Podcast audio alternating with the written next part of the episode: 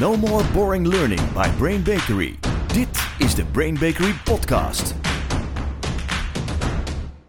Welkom bij aflevering 4 van onze podcast No More Boring Learning. Ik ben hier natuurlijk weer met mijn collega's Jordi Hi allemaal. en met Shana. Hallo. Hi. Leuk om even te vertellen dat onze eerste aflevering die ging over hoe meet en hoe weet ik de impact van een training. heeft heel veel reacties losgemaakt van onze luisteraars. We zijn letterlijk overspoeld met reacties. En eigenlijk was eh, de grote rode draad van die vragen was, nu ik weet dat die 8 niet het eikpunt is om te weten heb ik te maken met een goede training of een goede trainer, waar moet ik dan op letten? Ja, en we schrokken er eigenlijk van dat dat nog zo leidend was bij de keuze die mensen maken. Hè? Je Ja. gaat toch kijken op allerlei sites, zie ik daar die 8 terugkomen. En als, als het een 8,6 is, nou dan moet het wel goed zijn.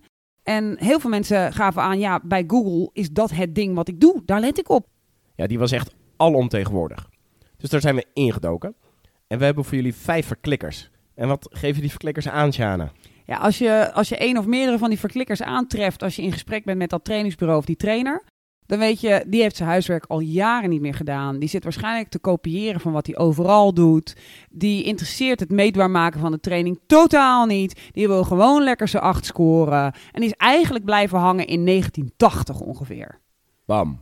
Dus, vijf verklikkers. Als je die niet tegenkomt, grote kans dat je te maken hebt met een medestrijder tegen No more boring learning! Voordat we ze alle vijf gaan doen, vooral ik, ik had toen we dit gingen voorbereiden, die derde die we straks gaan behandelen. Ik vond het echt een schokkende. Hè? Wat ik Ja. vooral schokkend vind is dat we nog zoveel zien. 42 En miljard gaat erin om, dat hè? het echt totale onzin is. Ja. ja. Goed, we gaan naar nummer 1. Taalgebruik.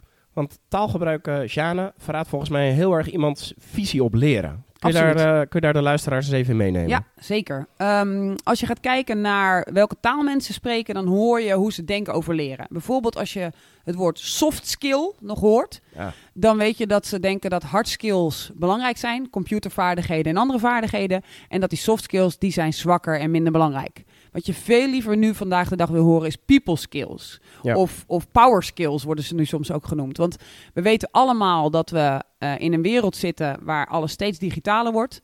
Waar computerskills uiteindelijk wel belangrijk blijven voor een kleine groep, maar voor de grootste groep niet, omdat het allemaal gerobotiseerd is. Dus de people skills worden steeds belangrijker. Als je dan nu nog iemand tegenkomt die dat soft skills noemt, dan weet je, ik heb een knurf te pakken die zijn huiswerk niet doet. En ik, ik denk zelfs dat er nog één term is die... Ik vind hem in ieder geval nog veel erger. En ik kom er ook best nog wel tegen. En dat is in plaats van dan soft skills, communicatievaardigheden. Dat klinkt echt, Ja. echt zo... Dat klinkt inderdaad super stoffig. Ja. Eh, ik zou nooit meer een training zo noemen. Ik denk ook dat je geen millennial warm maakt met die titel. Alleen hij is wel van recentere tijden. Want de soft skill en de hard skill verdeling komt echt uit de tijd dat iedereen met computers moest leren werken. Dus een tijdje terug. En communicatievaardigheden is wel iets een modernere term. Dus ik zou daar iets minder streng op zijn. Hmm. Maar geen millennial die denkt, woehoe! Nee, Nee. we gaan naar een training communicatievaardigheden. Nee, nee, daar zakt je broek wel vanaf. Ja. Een tweede term die, eh, waar je echt goed eh, op wilt letten, is eh, docent. Mm. Hè, als je een docent tegenkomt, als een, als een bureau werkt met docenten, of als iemand zich voorstelt als docenten, dan zitten ze echt nog in het oude leren. Dan zitten ze in de cognitieve mindset. En de cognitieve mindset gaat er echt over, ik weet van alles, ik ga jullie dat enorm vertellen. En dan gaan jullie daar misschien nog een paar rollenspellen mee doen. En dan weten jullie het. En als jullie het weten, dat is de assumptie van de docent, dan gaan jullie er waarschijnlijk ook iets mee doen. Ja. Maar dat ga ik niet borgen. Ik ga geen transfermaatregelen nemen. Dus docent is echt een, een verklikker van je welste. Als iemand zich voorstelt als docent, dan weet je... ik weet alles, jullie weten nog niks... en ik ga het over jullie uitstorten. Ja, kennishoofddracht. Dat Juist, is, eh, dat is juist. de heilige graal daar. Ja. ja. En dan gaan we naar woord nummer drie. Als je die hoort, ren hard weg. Oh. Oh oh. Nee. We gaan op cursus. Nee. Oeh. Ja. Oh. Dat Je is- hoort hem nog zo vaak. Ik hoor hem echt heel vaak. We gaan naar Ja. de cursus, we gaan naar de cursus. Ja. Hè, wat er in dat woord zit inges- ingebakken is dat zonder cursus kun je niet beter werken. Eh, het klinkt saai, het klinkt naar vroeger. Het is een oud woord. Training bestaat al heel lang. Workshop, er zijn allerlei andere woorden. Leeractiviteit, het kan allemaal anders heten. Maar cursus, nee, het kan echt niet meer. Ja, ik, ik denk dat als ik, naar, als ik naar een cursus zou gaan, dat ik gelijk een heel stoffig imago, stoffig beeld bij me heb. Ja, waar je heel weinig leert, Ja. maar waar je wel een acht geeft, want je krijgt een kroket. Ja. En dan gaan we gelijk door naar nummer vier. En dat is het rollenspel. Oh, echt geen één deelnemer die zodra die het woord rollenspellen hoort denkt... Woehoe, ik heb er zin in. Ik, sterker nog, ik kom mensen tegen die komen binnen en die beginnen... eh, hoef ik het rollenspel Ja. niet te doen. Die zijn werkelijk door de trainer en of acteur getraumatiseerd Ja. over het Ja, rollenspel. die zijn bang. Ja. Die zijn bang gemaakt, Ja. omdat rollenspellen gingen over... we doen een rollenspel en dan krijg je daarna eindeloos feedback... en dan mag je het niet opnieuw doen om beter te worden. Ja. Nee, je krijgt, je krijgt een rollenspel en daarna krijg je het helemaal voor je kiezen... en dan good luck. Echt, het is zo vaak verkeerd uitgevoerd in het verleden... dat het woord rollenspel gebruiken... dat zouden moderne trainers niet moeten doen... want dan denken anderen, oh my goodness... Ja. eh, het, we gaan weer die kant op. Ja, ze worden bang of zenuwachtig. En ik denk dat het ook gelijk triggert. Volgens mij horen jullie dat ook vaak. Dat deelnemers heel vaak gaan eh, reageren met... Ja, maar dan is het niet echt. Ja, Dat, dat zit ook al een soort van besloten in dat woord. Ja. Je gaat nu Ja. een rol aannemen. We gaan een spel spelen. Het Precies. is niet echt. Nee. En zeggen wij hiermee, doe geen oefeningen, betrek geen acteurs in je training? Absoluut niet. Nee. We zijn daar super voor. We doen dat ook heel vaak. We willen ook niets afnemen en afdoen aan het werk wat heel veel hele goede trainers en hele goede acteurs doen. Nee. Alleen, we hebben met Het z'n allen. In de taal Ja. inderdaad, we hebben met z'n allen dat woord zo geframed dat mensen daar bang van worden. Ja. Je kan het veel beter challenges, eh praktijkcases, je kan het van allerlei dingen noemen. Hey, kom, doe jij even lekker een carousel of iets. Maar niet meer, en dan doen we vanochtend de theorie en vanmiddag de rollenspellen. Nee. Oh, daar komen we meer. straks ook nog op terug. Ja. Sorry, ik geef al iets weg. Geeft niks, Oh, ja. geeft niks. Dat mag, dat mag. Rollenspel doen we niet meer. We hebben nog één woord eh, te gaan, Sjana. Woord nummer vijf. Energizer. Ja. En dat klinkt natuurlijk wel gewoon op zich modern Lekker en fris en en fruitig, modern. hè? Ja, ja, maar toch mag het niet meer. Want de Energizer komt namelijk uit de tijd dat je werd doodgegooid met PowerPoint, met theorieën. eh, dat de docent de cursussen stond te geven. Ja. En dan merkte hij op een gegeven moment, nou, ze raken nu toch best wel in slaap hoe zou dat allemaal. nou komen? Hoe Raar hoor, Ja. dat komt omdat jij ze erin hebt gebracht. ja. eh, in comateuze toestand. En dan, dan gingen we dan maar even een energizer doen. Ja. Want dat had je nodig, want anders waren je hersenen niet meer scherp. Dus zodra je een trainer ziet die zegt... wij doen ook veel energizers in de training... weet je, nou, die gooit dus eerst de mensen dood met oninteressante theorie... waardoor die mensen een soort in slaap vallen. En dan heeft hij de energizer nodig om ze tot leven te kussen. Juist. Stop het! Stop ermee. Ja, dus de vijf woorden, echt jongens, de verklikkers. Het zijn soft skill, docent, rollenspellen, cursus en energizer. Ren erbij weg. Maar dan is natuurlijk wel de vraag, welke woorden geven een soort van het groene licht? Hè? Welke geven het goede teken? Ja, de kans dat je met een goede te maken hebt... is als je het woord facilitator hoort. Hè? Of trainer... Trainer is natuurlijk wat ouderwetser. Facilitator, daar merk je dat mensen nu best wel naartoe eh, bewegen. Ja. Je wilt het horen over leren, leeractiviteiten. Niet training, niet andere dingen, maar iets over leren. Eh leerrendement vind je ook een prettig woord om te horen. Want dan zijn ze bezig met wat levert het op. En dat wil je graag Juist. horen. En eh, het oude woord programma, hè, waar je doorheen gehaald wordt. Dat zouden we graag vervangen horen door traject. Dus mensen die in trajecten spreken met leerrendement, over leren, over facilitators. Heb je een goede kans dat ze hun huiswerk hebben gedaan en niet zijn blijven hangen in 1983. Verklikker nummer twee. We duiken in de training. Wat wil je in die training echt niet meer zien? En het eerste dat we daar hebben is de voorstelronde. Oeh, oeh. Ja, maar nu kan ik me voorstellen, en kijk ook even naar jou, Shana, dat er zijn momenten dat je het echt niet moet doen. Er kan me ook voorstellen dat er momenten zijn dat het dan misschien weer wel handig is. Hoe, eh, hoe kijken we ernaar? Eh, voorstelrondes in een training die maar één of twee dagen duurt, dat is echt een waste of time van je lerende. Daar kun je niet meer mee aankomen. Mensen roepen hun hele cv, je onthoudt er niks van en het draagt ook niet echt iets bij aan de training. Ja, je wilt een, een beetje een band creëren voor die één of twee dagen, maar een uur lange voorstelronde is echt een totale verklikker dat die trainer gewoon maar wat staat te prutsen. Maar er zijn, neem ik aan, wel uitzonderingen. Want je hebt ook volgens mij trajecten dat je echt langer met elkaar optrekt. Juist, Ja. ja. Dan nog vind ik dat je het van tevoren kunt regelen. Je kunt eh, eh, online gaan, je kunt een, een blended traject maken waar mensen vast filmpjes opnemen waarbij ze zich voorstellen. Eh, bel onze vrienden van Learning Stone op. We hebben geen aandelen trouwens, Nee. disclaimer, disclaimer. Maar Learning Stone die weet dat geweldig vorm te geven hoe je heel leuk van tevoren elkaar al kunt leren kennen, zodat je gewoon door kunt. Ja. Ehm, en als je een lang traject hebt waar ze vaak bij elkaar komen, dan wil je misschien echt wel een goede band creëren. Dan kan ik me voorstellen dat je misschien wel drie uur de diepte ingaat over wie zijn we allemaal. Hè, maar dan is het niet een voorstelrondje, dan is het wat brengt jou juist hier, juist nu op deze plek. En dan ga je echt even de diepte in. Dus een voorstelronde in een tweedaags programma of een eendaags programma die langer duurt dan 10 minuten. Niet doen. Niet doen. Nee. No go. Nee, langere trajecten, dan de diepte in, korte trainingen, niet doen.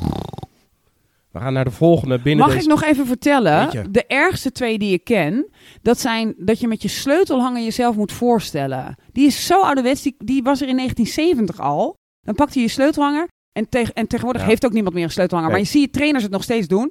En dan heb je dus een sleutelhanger en dan ga je aan de hand van sleutelhanger... Nou, dit is de sleutel van mijn schuur en daar zit mijn hobby zussen me zo Ja. in. Oh Het jee. Kan niet meer. Maar mensen doen het Ik nog. heb er wel eens een moderne variant van gezien. En dan gebruiken ze nu met hun bankpasjes. Of een, de pasjes die ze in hun... Oh, eh, welke pasjes heb je allemaal? Maar ja. we gaan allemaal naar één Ja, pasje. precies. Dat Ja. klopt niet. Zo van, ik heb En- de bonuskaart van de Albert Heijn. Daar doe ik Oh, boodschappen. ja. Ja, mooi. mm, boehoe. ja, oh, interessant om te weten over je. Mm.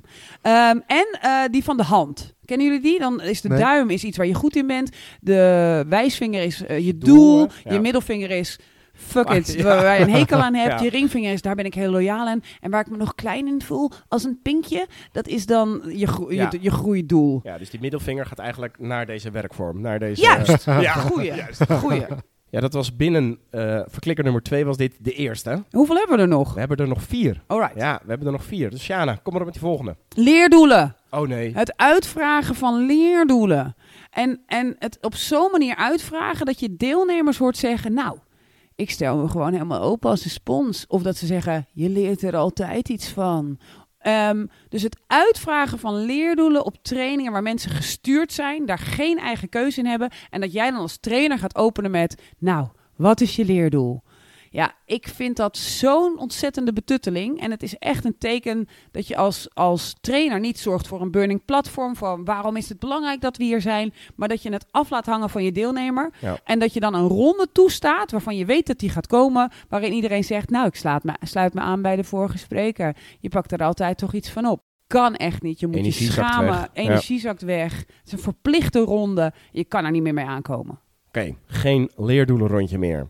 We gaan naar de volgende. Dat is het aankondigen van je programma. Ja, het programma. Het programma uitschrijven op een flip of op een PowerPoint zetten. Waar je van uur tot uur als deelnemer precies weet wat er gaat gebeuren. Ja, je ziet het soms heel mooi getekend op die flip. Absoluut. Dus Ja. kudo's voor mensen die dat echt goed kunnen. Ja. Die daar mooie flips van maken. Mooier dan ik ooit zou kunnen maken. Maar het weggeven van je programma is niet meer van deze tijd.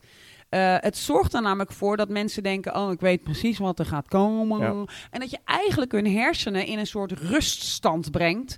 En oh, nou, dan gaat er eerst dat. Dat vind ik niet interessant. Dus dan ga ik niet echt opletten. Ga ik dan even bedenken wat mijn volgende Netflix-serie is. Eh, je wilt niet van tevoren precies aangeven wat er gaat gebeuren. Tenzij je een training geeft die heel erg spannend is. Hè, dus als je bijvoorbeeld omgaan met agressie doet of zoiets. Dan wil je wel vast aangeven van jongens, de eerste twee uur gaan we nog niet daarmee aan de slag. Gaat het nog niet live? Gaan we daarmee aan de slag? Maar je wil niet bij voorbaat, nou hier is het programma van de dag. Nee, en om 11 uur hebben we pauze.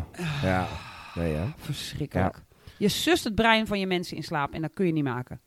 De volgende, die gaat mij echt nauw aan het hart. Als Vertel in, je, ik heb er zo'n hekel aan. En dat komt omdat ik eh, eh, best wel vaak vroeger, toen ik bij andere bedrijven werkte, de vraag kreeg van, eh, van mensen: kan ik van jou de training krijgen? Ja, ja luisteraars Huh? zien het niet, maar jullie kijken allebei echt super verbaasd. Juist. Want, want ik dacht, wat bedoel je daar nou mee? En wat bedoelden ze met: kan ik van jou de PowerPoint-presentatie krijgen? Want dat is de training. Oh, de handout. Ja, ja, dus als je trainers hebt die volgens mij alleen maar, alleen maar werken met PowerPoint, dat, dat is het. Hè? De PowerPoint Ja. is de training. Enorme verklikker. Ja, je moet een nuance erin aanbrengen, want het kan zijn dat iemand drie of vier slides heeft Tuurlijk. om een soort flow van de dag aan te geven of om bepaalde dingen te highlighten. Doen wij ook wel eens. Prima. Ja. Eh, zeker als ik op een groot podium sta voor 300 man, Ja. dan moet ik af en toe dat visueel ondersteunen Ja. met een slide. Dus dat, dat, is, dat vind ik oké. Alleen inderdaad, een PowerPoint die meer dan zeven bullets per slide heeft Ja. met heel veel teksten erop Schema's. schema's, eh, dat soort dingen. Dat, dat, dat, en, en dat de hele training eigenlijk bestaat uit iemand die voor de PowerPoint staat en zich af en toe omdraait naar de PowerPoint Oh, nee. om voor te Ja. lezen wat er op de PowerPoint staat. Wat ga ik jullie nu ook alweer trainen? Ja, dat kan echt niet meer. Dus volgeschreven PowerPoints en dat die het enige zijn wat er gebeurt in de training, namelijk PowerPoint voorlezen, dat is echt een, een totale verklikker. Juist. Run! Juist. We gaan binnen deze verklikker van in de trainingen naar de ene laatste. En die heeft te maken met onderhandelen. Ja, dan kun je denken, wat is daar nou mis mee? Maar we hebben het hier over onderhandelen over de eindtijd. Ja, je Ja. ziet het best vaak. En Ja. als je iemand hier ooit op betrapt, moet je echt een serieus gesprek gaan hebben over growth mindset of over een ander vak. Wat je soms bij trainers ziet is, kijk, trainers die zitten natuurlijk 's ochtends vroeg in de auto, die zitten altijd in de file, want die zijn pas om vijf uur klaar. En wat sommige trainers doen als ze niet zoveel zin hebben in de training, ik moet zeggen, ik heb me daar ooit één keer schuldig aan gemaakt, maar toen mezelf zo gehaat dat ik dacht, dit kan niet meer, maar ik heb het een keer gedaan. Ja. Ik denk dat iedere trainer, als hij bruut eerlijk is, slechte dag. ja, op een slechte dag het wel eens doet. Dat je een soort opent met, jongens, nou ik zie dat er vele van jullie met de trein zijn gekomen. Hoe laat gaat jullie trein terug? Dan hou ik daar rekening mee met de eindtijd. Ja. Waardoor je eigenlijk een stuk van je trainingstijd afsnoept. ja, de boodschap die je zegt is, ik pas me wel aan aan jullie, dus maakt me niet uit. Ja, en dan kan Ja. ik ook vroeg naar huis. ja. Ja, dus het is eigenlijk je eigen belang. En, en ik denk dat je... Kijk, ik ben heel hard altijd op eindtijd. Ik vind altijd, als je hebt gezegd vijf uur... dan mag je niet over die eindtijd heen gaan. Want mensen hebben een leven en plannen. Dus, dus hou je eraan. Eh, maar dat betekent dat het soms... met alle oefeningen die je doet... dat je het zo timed dat het kwart voor vijf wordt. Het wordt ook wel eens half vijf. En dan ben je klaar met alles. Je merkt dat je groep Ja, gedaan heeft. Ja. Dat kan. Alleen het van tevoren ehm, richting half vier, vier uur gaan praten... dat is echt illegaal. En dan weet je dat die trainer eigenlijk geen zin meer heeft... en zijn programma gaat afdraaien. Dus als iemand daarmee opent en jij zit als deelnemer erin... Run! Ja, weg ermee, weg ermee. En de laatste binnen deze categorie, ja, dat is de klassieke verdeling. Dat heeft natuurlijk te maken met, jongens, we gaan 's ochtends lekker veel theorie doen. En smiddags, daar komen ze weer, de Rollenspellen. Juist. Ja, ehm, natuurlijk is het zo, van oudsher, je huurt een trainingsacteur in voor een dagdeel.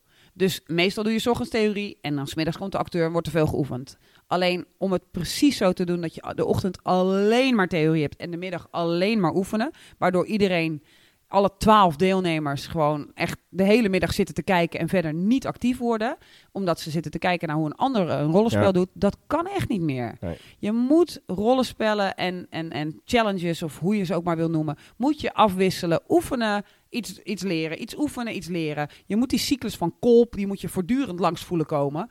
En niet 's ochtends alleen maar luisteren en dan ontzettend in slaap gesust zijn. Een energizer krijgen. En dan vervolgens smiddags alleen maar oefenen en eigenlijk alleen maar denken... "Oh, wat lekker dat ik niet eh, in het rollenspel Ja. ik ben geweest. Oh, ik let ook niet meer op. Ja, Is het al half vier, niet. mijn trein gaat zo. Kan niet. Niet meer doen. Nee. Verklikker nummer drie. En hier hebben we er ook weer drie. Dit zijn drie theorieën. Zodra een trainer of een trainingsbureau over die theorieën begint, alle alarmbellen af. Heel kritisch, goed doorvragen. Sjana, Juist. barst los. Ja, op, met stip op één. Ja. En hier hoef je eigenlijk niet op door te vragen. Dat zijn leerstijlen. Oh. Wat heel belangrijk is om te weten voor iedereen in de hele wereld is leerstijlen bestaan niet. Het is niet zo dat als je mij theorie of iets lerends aanbiedt op een manier die past bij mijn zogenaamde leerstijl, dat ik sneller leer. Er bestaan leervoorkeuren, dat vinden mensen leuk, maar er bestaan geen leerstijlen. En heel veel bedrijven werken met een leerstijlentest, Kolb's leerstijlentest. Ja. Kolb heeft hem in 1983 uitgevonden en heeft direct geroepen: Het klopt niet wat ik beweerd heb. En nog steeds zijn er hele trainingsbureaus die geen training doen zonder leerstijlentest. Terwijl het is onzin, het is een waste of your money en waste of your time. Wat je moet doen in een training is zorgen dat je heel veel op verschillende manieren aanbiedt, zodat er veel afwisseling is. Dat weten we dat goed werkt voor je brein. Maar er is geen voorkeursleerstijl. Mensen leren namelijk onder verschillende omstandigheden op verschillende manieren. Dus als er heel veel druk op staat, leer ik anders dan dat ik een theoretisch stuk heb waar ik zes weken over kan doen. Dus er bestaan geen leerstijlen. Heb ik het al genoeg gezegd? Volgens mij, Ja. volgens mij was het niet helemaal duidelijk voor de Hij kan, luisteraars. nog, hij kan nog best een keertje hoor. Gooi hem er Ja. nog een keer in. Ik, laat me er nog één noemen. Bij NLP is super populair visueel, kinesthetisch Ja. of auditief Auditief, leren. Er is geen enkel verband tussen of ik goed kan luisteren, dus ik ben auditief sterk, dan kan ik heel veel nuance horen. Dan kan ik horen, oh, dit is een ambulance in New York, want die hebben de- dat bepaalde geluid. Of ik kan horen, ik hoor op de achtergrond hoor ik een spoorwegtreinstelsel, hoor ik. Dan ben je auditief sterk. Ja. Er is geen relatie met hoe snel je dan opneemt als je auditief sterk bent. Dus het kan wel zijn dat je goed kunt horen, maar dat betekent niet dat je als je iets hoort het sneller leert dan als je het ziet. Iedereen is namelijk visueel sterker, behalve als je een visuele handicap hebt. iedereen onthoudt visueel veel sneller dan auditief. Dus jonge mensen, mocht je hier nog in geloven of er middenin zitten, ga online en typ in learning styles, ridiculous, zoek erop. Laat neurologen voor je aan het woord. Het is onzin. En het ergste is, er zit zo'n geloof in dat er 42 miljard per jaar in omgaat. In de 42 leerstijlen Miljard. in de leerstijlen industrie. Ja. En hij moet omvergeworpen worden, want het pakt waardevol geld dat eigenlijk naar je deelnemers kan gaan, pakt het weg door het in een fabeltje te stoppen genaamd leerstijlen. En ik begrijp wel waarom mensen erin trappen. Want, want ik snap dat, dat je wilt zo goed mogelijk leren de mens. Je wil zoveel mogelijk dat, dat kunnen borgen. Ja. Dus, dus wil je graag weten hoe leert iemand, want dan bied ik hem op de goede manier Ja. aan. Ik denk dat ook houvast biedt voor jou als trainer. Absoluut. Ja. En ik denk ook dat veel deelnemers zeggen: ja, ik ben ook echt een doener. Of ja, ik hou ook van experimenteren. Dus dat je ook een soort als deelnemer denkt: ja, dat herken ik. Maar je hebt als deelnemer geen zicht op je, hoe je geheugen werkt. Nee. Dus het is een onzinverhaal. Het een broodje aap, een kontverhaal. Stop ermee. Leerstijlen, ren weg en vraag niet door. Ze bestaan niet. Juist. Dat is best duidelijk. Ja, binnen, binnen deze verklikker, hè, nummer drie, we hadden gezegd, we hebben daar drie theorieën die, ja. ja, die echt alarmbellen moeten afgaan. Nou, de leerstijlen overduidelijk. Welke hebben we nog meer? De roos van Leary. Kijk. Juist. Ehm, en daar wil ik gelijk ook een nuance bij Ja. aanbrengen hoor. Want als je kijkt bijvoorbeeld, je gaat Bert van Dijk eh, bezoeken. Bert van Dijk is, een, is de goeroe in Nederland wat mij betreft op het gebied van de Roos van Leary. Die kan hem met al zijn nuance, wetenschappelijk onderbouwd, goed uitleggen. En dan kun je er echt heel veel mee. Maar wat je heel erg moet weten is dat Timothy Leary was een meneer in Amerika die heel erg aan de LSD zat. En zijn roos van Leary die werd steeds groter. Dus bijvoorbeeld in Amerika zijn er heel weinig aanhangers over, omdat ze wisten hoe niet wetenschappelijk die vaak was. Ja. En wat je nu ziet in Nederland is dat veel mensen hebben ooit ergens zelf een keer als deelnemer een training, hebben ze de Roos van Leary gehad. En die hebben dan een soort testje gedownload en dan gaan ze mensen ook nog testen over welke voorkeur ze hebben. Ze hebben geen idee waar ze het over hebben. Het enige wat je denk ik met zekerheid kunt zeggen over de Roos van Leary is dat die twee assen, samen, tegen en bovenonder, dat die voorspelbaar zijn in gedrag. Maar trainers die gewoon zonder naar Bert van Dijk te gaan zijn gaan, geweest, bijvoorbeeld. Ik heb ook weer geen aandelen trouwens, ben gewoon fan. Heel goed. Eh, ehm, die zonder echte studie daar dingen over beweren en ook zeggen, maar jij zit voortdurend onder tegen. Die beschadigen gewoon mensen. Dus als iemand begint over, nou dan doe ik de Roos van Leary, dan zou ik vragen, hoe ben je daarin geaccrediteerd? Hoe, wat voor studie heb je daarna gedaan? Eh, en eh, wat vind je eigenlijk van Timothy Leary? Om even te kijken dat iemand wel de nuance weet van dat model. We gaan naar de derde theorie binnen deze verklikker. En dat is de piramide van... Maslow. Juist. Juist, ja. Eh, wij leven tegenwoordig in een multiculturele samenleving, Ja. lieve mensen. Ja. En de piramide van Maslow, daar kun je allerlei kritiek op hebben. Hij zegt natuurlijk dat ons hoogste doel is zelfontplooiing, zelfontwikkeling. Dat vinden wij trainers Worden en learning and development. Ja, precies. Dat. Daar houden wij van. Dat willen wij graag beaamd zien. En eh, we hebben heel veel mensen die opgevoed zijn in een iets andere cultuur. Eh, die dat van huis uit mee hebben gekregen. En daar heeft bijvoorbeeld Pinto, eh, een paar jaar geleden overleden, maar heel goede research naar gedaan. Eh, en die is gekomen met de piramide van Pinto. En die zegt, eh, bij sommige mensen die uit een andere cultuur komen, staat eer en eergevoel veel hoger in die piramide van behoeften. Ehm, dus als wij dan als Nederlandse trainers niet multicultureel zijn en gewoon alleen maar denken iedereen wil zichzelf ontplooien, dan kun je dus aan iedereen vragen: ja, wat was je grootste fout die je ooit gemaakt hebt? Terwijl als je bent opgevoed in de piramide van Pinto, zonder dat je wist dat het Pinto was, eh, dan is bijvoorbeeld eergevoel veel groter. Dus dan is jouw neiging om te vertellen wat jij fout doet, waar je veel van geleerd hebt, is veel kleiner. Dus bereid je goed voor. Dus de piramide van Maslow aan zich, daar is niks mis mee. Klopt. Alleen, er is, een, er is er nog geen naast Ja. van Pinto. Ja. Dus als ik jou goed begrijp, dan is het, als je met een trainer spreekt en die heeft het alleen maar over Maslow, dan moeten de alarmbellen afgaan. Juist. En als jij dan een deelnemersgroep hebt die super wit is en hartstikke Hollands, dan kun je overwegen om dat te doen. Maar als zij ook maar ooit in hun leven contact hebben met een multiculturele samenleving, waar er ook andere culturen bestaan, Ja. dan zou ik het al niet meer doen. Nee. Dus ik zou vragen, als iemand Maslow zegt, zou ik vragen, wat vind je dan van Pinto? Gewoon om even te testen, weten ze dat die bestaat? Kijken ze multicultureel? Houden ze rekening met jouw collega's, eh, mensen om je heen, die wellicht een hele andere opvoeding hebben gehad? Juist. En zo zijn we klaar met verklikker nummer drie. We hebben geconcludeerd, leerstijlen bestaan niet. De roos van Leary bestaat wel, maar wordt heel erg misbruikt. LSD. En we hebben naast Maslow hebben we ook nog Pinto. Ja, voordat we naar verklikken 4 gaan, goed om te weten dat we straks nog een mooie brain snack voor jullie hebben. Waarin we één vraag aankondigen als je die aan een trainer stelt. En dan kijkt als een soort hert in de komplamp naar je. Wegrennen, mensen. Wegrennen. ja. Maar we gaan eerst naar verklikker nummer 4. En eh, we gaan het hebben over, over vragenlijsten, persoonlijkheidsvragenlijsten die veel gebruikt worden door trainers. Juist. Ja, ehm, als je kijkt naar psychologen, dan zijn alle psychologen op aarde het ongeveer eens over één ding. En dat is persoonlijkheid meten is echt vreselijk moeilijk. Ja. Ehm, het enige waar je een soort global consensus over hebt, waarvan de meeste psychologen zeggen, ja, daar ben ik het wel mee eens, is de Big Five. Dus als je iets wilt meten over hoe iemands persoonlijkheid in elkaar zit, dan is de Big Five, dat is de meest betrouwbare. En daarvan zeggen de meeste psychologen, dat snap ik, dat kan. Ehm, heel veel mensen maken niet, heel veel trainers en bedrijven en ook managers maken niet het onderscheid tussen een persoonlijkheid en iemand zijn gedrag. Kijk. Dat is een groot verschil. Ja, enorm. Ehm, gedrag eh, kun je zien, kun je waarnemen. Daar mag iedereen denk ik iets over zeggen. Persoonlijkheid, daar zijn psychologen het al niet over eens. Ja. Eh, dus hoe kan een, een trainer, die misschien geen psycholoog is, iets beweren over iemands persoonlijkheid? Best wel apart. En dan zie je dat er best wel veel lijsten en vragenlijsten, tests worden ze ook wel genoemd, in omloop zijn die beweren iets te kunnen beweren over jouw persoonlijkheid. Ik vind dat echt heel schadelijk. Ik vind Ja. dat dat niet kan, dat je daar heel erg voorzichtig moet zijn. Ik ben zelfs tests eh, tegengekomen, die heten dan test.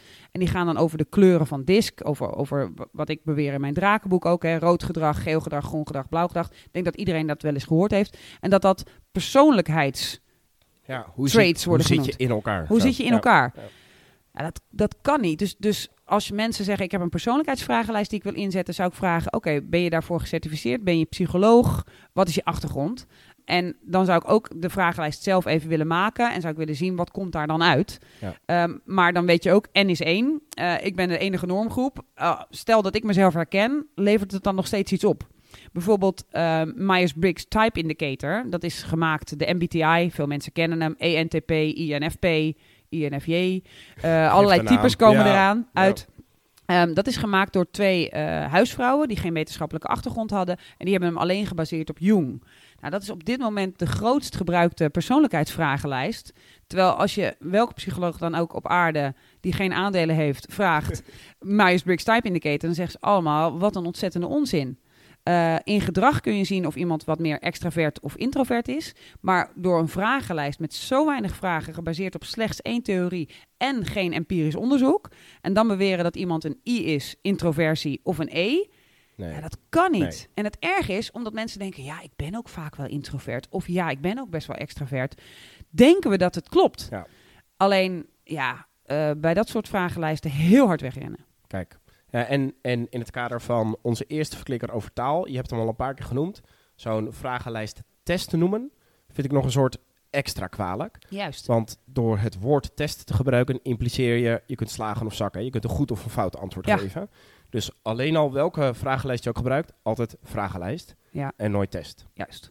En uh, als, je, als je dan echt een test, uh, test noemt, dan wil ik ook zien welke negatieve dingen kunnen eruit komen. Want dat is het aparte met al die vragenlijsten over je persoonlijkheid. Het is altijd positief wat eruit komt. Nou, er bestaan ook best wel wat akelige mensen op deze aardkloot. ja, ja, ja, ja, dat moeten we toegeven.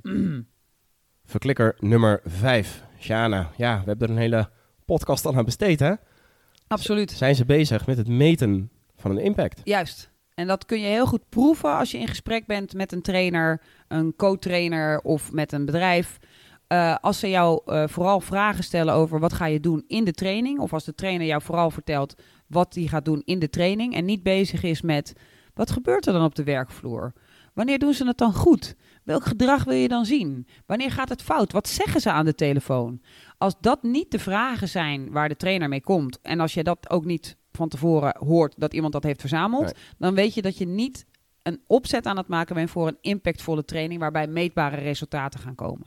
Dus je wilt, je wilt het hebben over de impact, de return on learning, return on investment, dat soort woorden wil je zorgen dat er vallen. En daar wil je het uh, over hebben. En mocht je dit je eerste podcast zijn die je van ons luistert, onze eerste podcast, podcast nummer 1, gaat heel erg over meten. Dan kun je daar meer over leren. Ja, ja, gaan we daar uitgebreid op in. Vijf verklikkers, vijf uh, dingen die uh, alarmbellen af moeten laten gaan. Ja, nummer één was natuurlijk het taalgebruik. Nummer twee Wat gebeurt er en wat doen ze in de training? Nummer drie, de drie theorieën. Als ze daarover hebben, sommige zijn echt onzin, andere kunnen misbruikt worden. Nummer vier, de, het gebruik van de persoonlijkheidsvragenlijsten. En nummer vijf, zijn ze bezig met het meten van de impact. En eentje die natuurlijk ja, buiten categorie is, is als ze adverteren met de 8, dan weet je ook al heel veel. Weg, Ja, weg, ja, ja. Of kritisch zijn. juist. Eén van beide. Heel goed. Ik denk dat het tijd is voor onze... Brain Bakery Brain Snack. Ja, wat is nou een vraag die je aan elke trainer kunt stellen? Dat als je die vraag hebt gesteld en je kijkt in zijn ogen en die ogen zeggen... eh, Wat? Dan echt wegwezen. Dan heb je te maken met iemand die zijn huiswerk echt niet gedaan heeft. De vraag is, Shana, Welke transferbevorderende maatregelen ben jij van plan om te nemen rondom deze training? bam, zo. Dropping the mic. Huppakee. Als je denkt, ja, wat? Transfer? In aflevering 8 gaan wij het hier uitgebreid over hebben. Over het hele concept transfer. Hoe werkt het? Hoe kun je het inzetten? En hoe kun je het stimuleren? Ja, en laten we voor nu vast vertellen dat transfer is datgene wat plaatsvindt tussen de leeromgeving en de werkomgeving. Dus transfer is het antwoord op de vraag: als iemand iets leert in de leeromgeving, wat gaat dan maken dat hij het ook echt toepast in de werkomgeving? Als iemand daar niet mee bekend is, niet over nadenkt, geen theorie over heeft en niet weet welke transferbevorderende maatregelen die gaat nemen, dan zou ik nog een keer nadenken en Ja. op zoek gaan naar een betere trainer. Juist, juist. Daar gaan we dus uitgebreid op terugkomen. Maar voor nu is het het einde van deze podcast No More Boring Learning. Met vijf verraders, verklikkers of trainers of trainingsbureaus hun huiswerk goed gedaan hebben. Jordi, dankjewel. Graag gedaan. Shana, dankjewel. Jij bedankt. Dit was No More Boring Learning. Graag tot de volgende keer. No more boring learning. Dit was de Brain Bakery podcast. Wil je meer weten? Kijk dan op brainbakery.com of volg ons op onze socials.